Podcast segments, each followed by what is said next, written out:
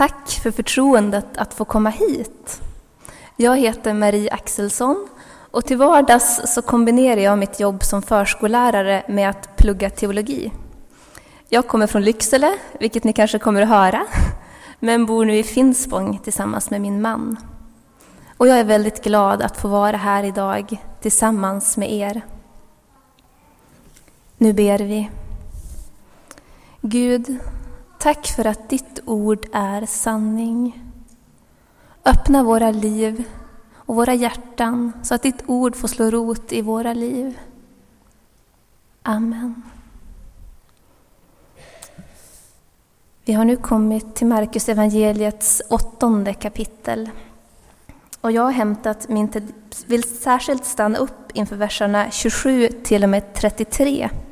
Och de kommer att komma upp här vid sidan om mig. Vi läser. Sedan gick Jesus och hans lärjungar bort till byarna kring Caesarea Filippi. På vägen frågade han dem, Vem säger människorna att jag är?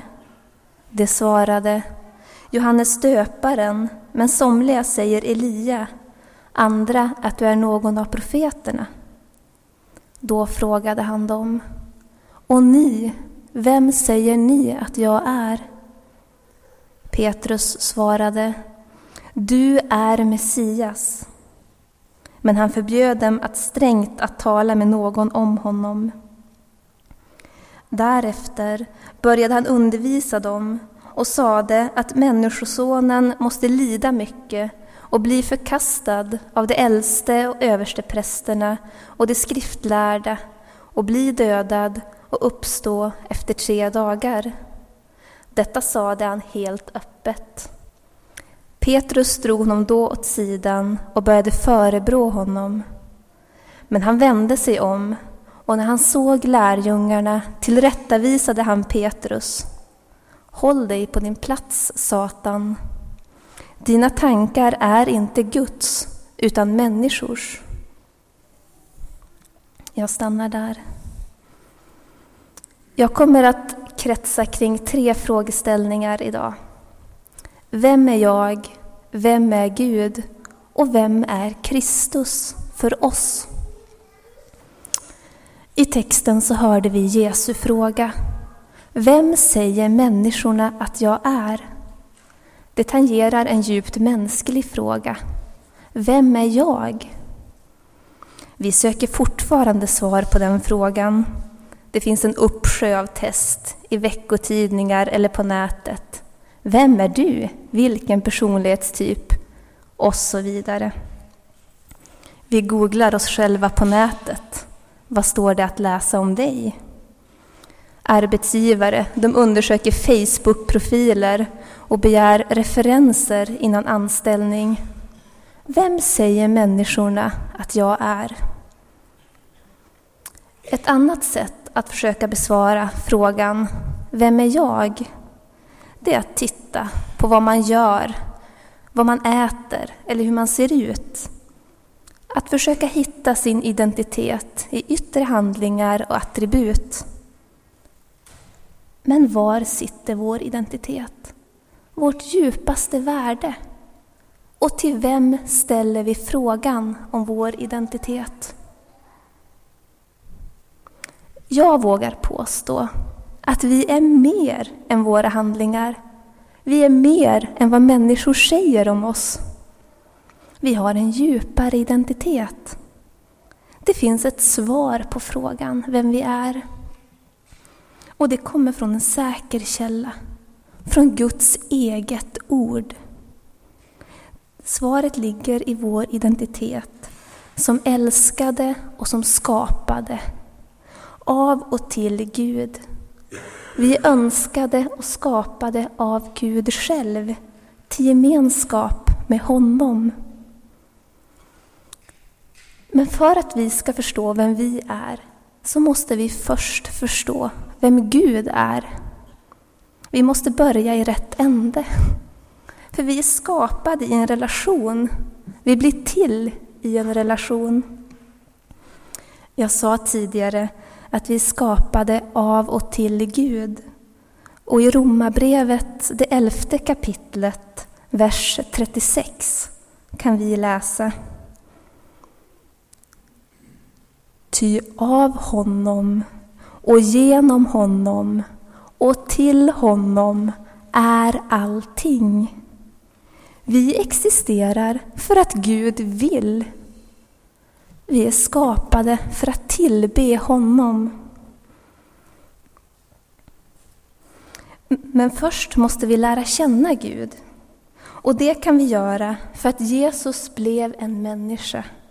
För att han delade våra livsvillkor genom att han visade sig för oss, genom hur han levde, upprättade människor och gav sitt eget liv för oss. Så kan vi förstå vem Gud är. Som Hartman skriver i salmen För att du inte tog det gudomliga, dig till en krona för att du valde smärlek och fattigdom vet vi vem Gud är. Vi kan inte hitta vår identitet utan Gud. Och genom Jesus så vet vi vem Gud är. Han har förklarat Gud själv för oss. Men vem är då Jesus? Jesus har i stycket vi läst vandrat med sina lärjungar i Galileen. Han har under tre års tid levt med dem, undervisat dem, gjort under och tecken. Och nu ska han snart påbörja sin vandring mot Jerusalem och mot korset. Tidigare i kapitel 8 så berättas om brödundret då Jesus mättat 4 000 människor om hur han botat en blind man. Efter att lärjungarna fått vara med om alla dessa tecken, alla under, alla möten, alla samtal, så ställer Jesus dem inför frågan om sin identitet. Först kommer frågan, vem säger människorna att jag är?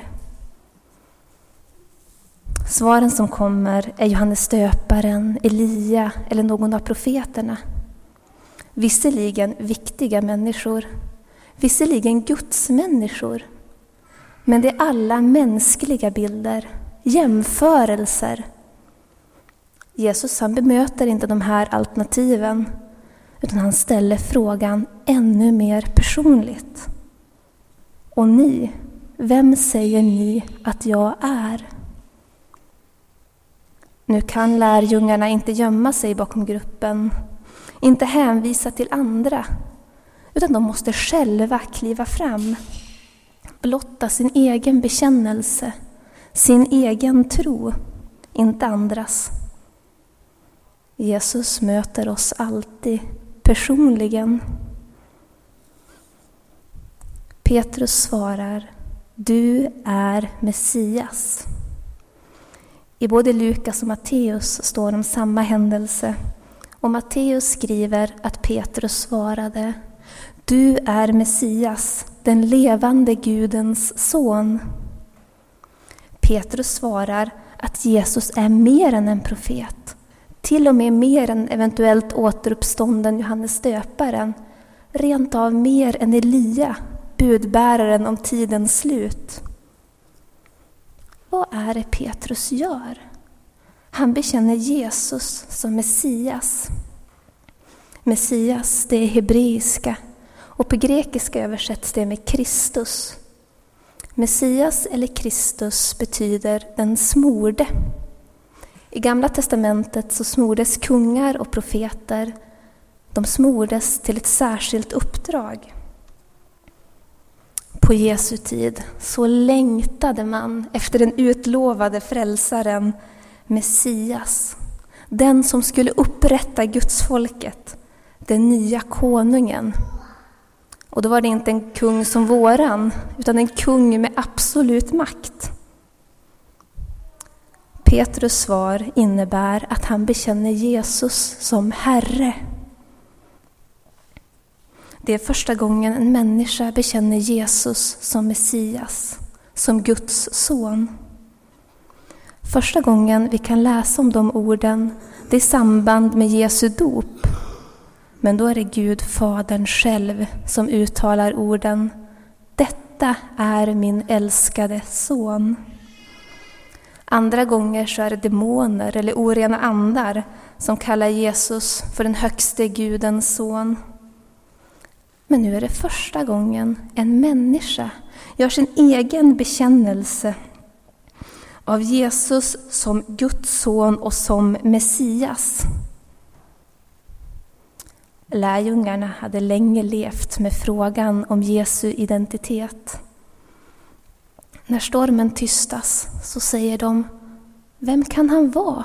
Till och med vindarna och sjön lyder honom. Och när Jesus så går på vattnet i Matteus 14 så säger lärjungarna, du måste vara Guds son. Men det är fortfarande med tveksamhet.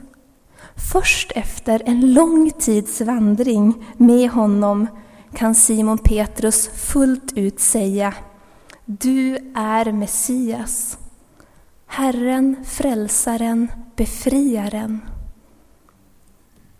Även idag så längtar vi efter befrielse. Även om förtrycket idag har andra ansikten än på lärjungarnas tid. Och jag är trött på storstilade löften som lovar runt men som håller tunt. I reklamens värld så haglar superlativen. Men besvikelsen lurar runt hörnet.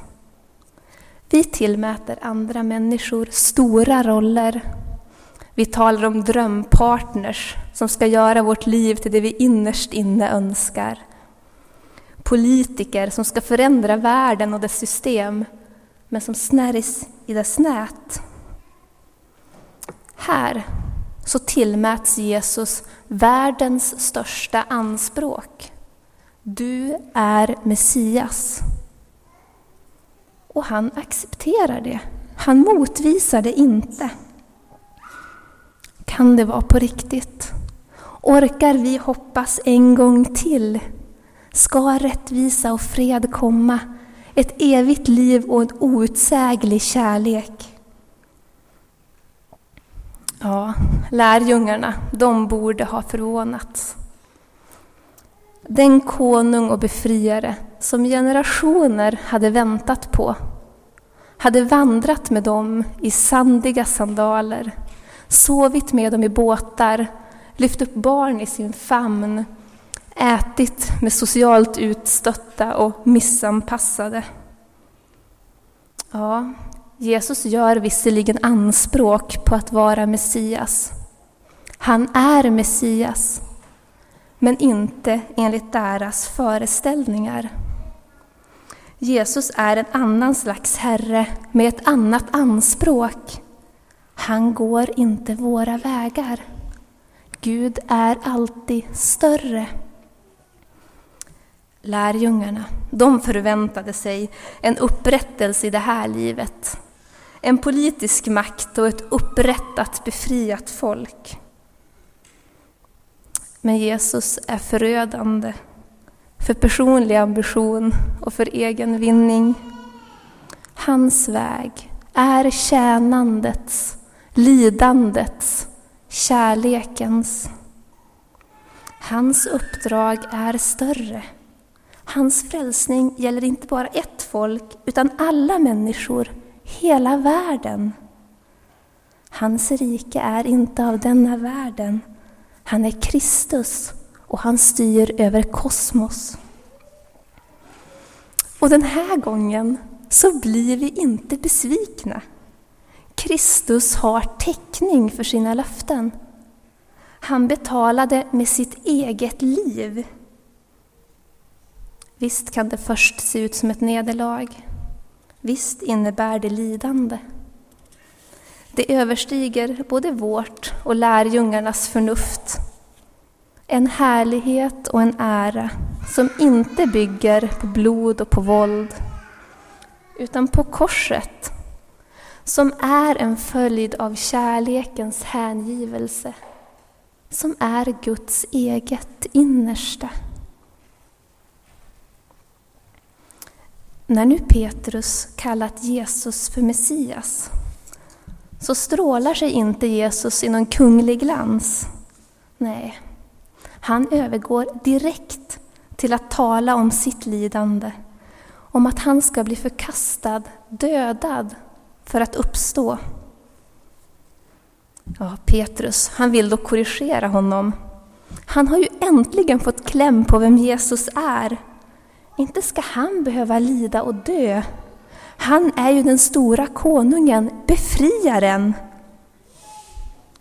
Men Jesus blir, Petrus blir barskt tillbakavisad av Jesus. Dina tankar är inte Guds, utan människors. Våra försök att styra Gud, att kontrollera, att diktera villkoren tillbakavisas. Håll dig på din plats, Satan. Ja, Gud är radikalt annorlunda. Makt manifesteras genom tjänande. Gud går alltid bortom de ramar vi sätter upp, det vi tror oss förstå. Vi kan aldrig greppa Gud. Vårt perspektiv är begränsat. Och välmening och sanning är inte samma sak. Välmening, hur god avsikten än kan vara, kan binda. Medan sanningen alltid gör oss fria.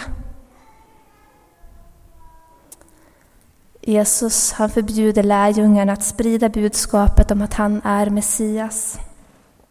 Han vill inte bli påtvingad en kungamantel för ett världsligt rike.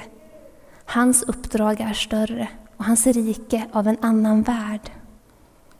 Därför undflyr han människors försök att använda honom till egna syften. Jesus är inte ute efter jordiska anspråk. Han är ingen krigsherre som kräver vördnadsbetygelser eller stora krigsbyten från de besegrade. Nej, det är vår kärlek han är ute efter. Kärleken till Gud som har skapat oss. Att fritt bejaka Guds kärlek och gensvara med vår egen. Vi är evighetsvarelser och ingenting annat kan på djupet tillfredsställa oss, ge oss den frid vi söker.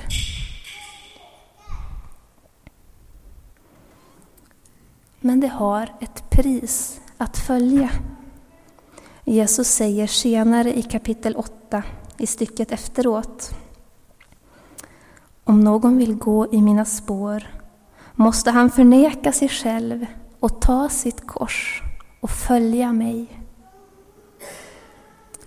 Alla som har älskat någon annan vet att kärlek betyder att prioritera någon annan. Att undvara något av sitt eget för en annan. Men att slå vakt om sitt eget för att rädda det, det gör i själva verket att vi förlorar det. Och det är nu inte bara Petrus och lärjungarna som ställs inför Jesu fråga. Vem säger ni att jag är? Frågan om Jesu identitet har ställts genom alla tider. Den har besvarats på olika sätt. Men liksom för lärjungarna så räcker det inte med att referera till vad andra tycker, till vad andra säger. Utan vi måste själv, var och en, besvara den frågan. Men svaret kan få dröja. Inte ens lärjungarna förstod ju först. I Johannes evangeliets första kapitel kan vi läsa om hur Johannes döparen berättade för sina lärjungar att Jesus var den som döper i ande, att han var Guds utvalde. De gick då till Jesus och han sa Följ med och se. För att få reda på vem Jesus är så får vi följa honom, smaka och se. Och till sist når Jesu fråga oss. Vem säger ni att jag är. Det viktiga är att vara sann. Att ärligt och uppriktigt inför Gud själv ge uttryck för sin vilja och sin tro. Gud väntar på dig och på mig, på vår egen bekännelse. Vårt svar på frågan vem säger ni att jag är? Petrus har banat vägen och vi inbjuds att instämma. Du är Messias. När vi bekänner Jesus som Messias, som Kristus, då blir även en större sanning synlig om oss själva. Vi är så högt älskade att Gud själv blev ett hjälplöst barn, levde som oss, blev sviken, övergiven, ja till och med dödad för att vi skulle leva. Du är så dyrbar att du är värd Guds eget liv. I mötet med Jesus så blir sanningen synlig om oss själva. Och det kan göra ont. För lika väl som vi är skapad till Guds avbild så finns det även mörka, mindre smickrande delar. Och vi har ett val, vilken del vi vill göra till vår sanning. Men med Wilfred Stinnesens ord Du kan aldrig vara dig själv i det onda. Du är skapad god. Det är bara i ljuset du kan finna ditt sanna jag.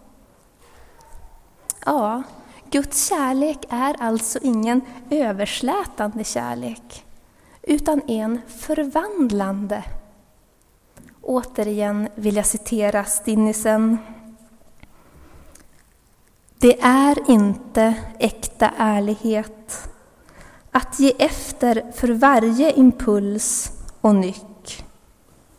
Du är mer sann när du försöker hålla tillbaka ett irriterat ord eller när du övervinner din lättja och ditt dåliga humör. För då är du ärlig mot ditt innersta och mot det gudomliga liv du bär inom dig.